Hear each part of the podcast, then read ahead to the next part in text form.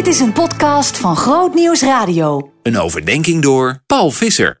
We lezen verder uit Handelingen 5.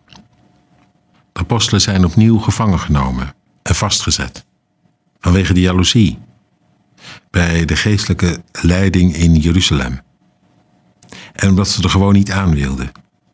In hardnekkig verzet het evangelie van de hand bleven wijzen, al was het zo zichtbaar als wat. Dat het zo waar was als maar zijn kon.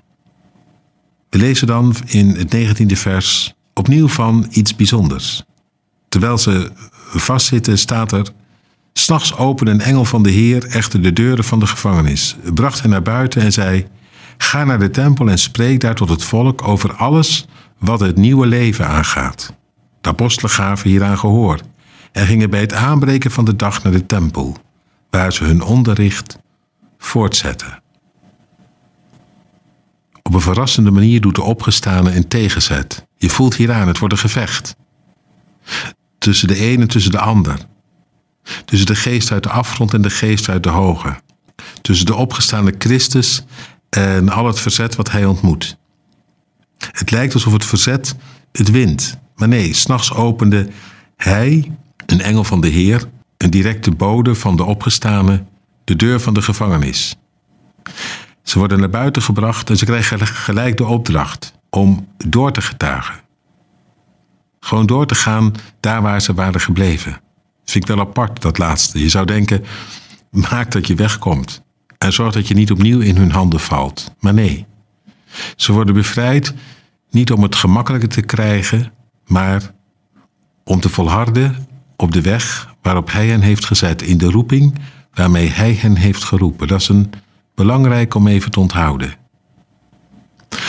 Als je hulp van hoger hand ervaart, daar waar je onder de voet wordt gelopen, is het niet de bedoeling dat je opgeeft, maar dat je in zijn kracht doorgaat. Kan soms ingewikkeld zijn, als er zoveel tegenin komt, dat je er moe van wordt. Dat je denkt, het houdt niet op.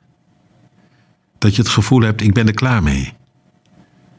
En dan toch doorgaan in dat waartoe je bent geroepen. Misschien wel heel dichtbij. Thuis, in de opvoeding. Of in het geduld oefenen met mensen om je heen.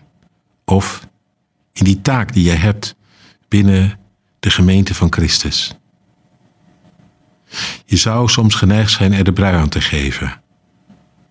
Maar hij, hij reikt je de hand en zegt: Kom op, laat je niet onder de voet lopen.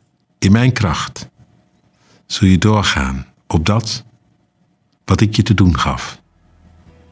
Ik vind dat mooi dat dat kan.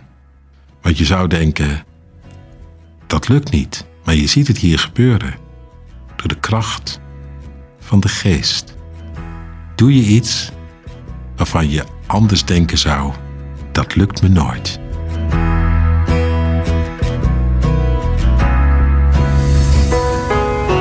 Meer verdieping? grootnieuwsradio.nl slash podcast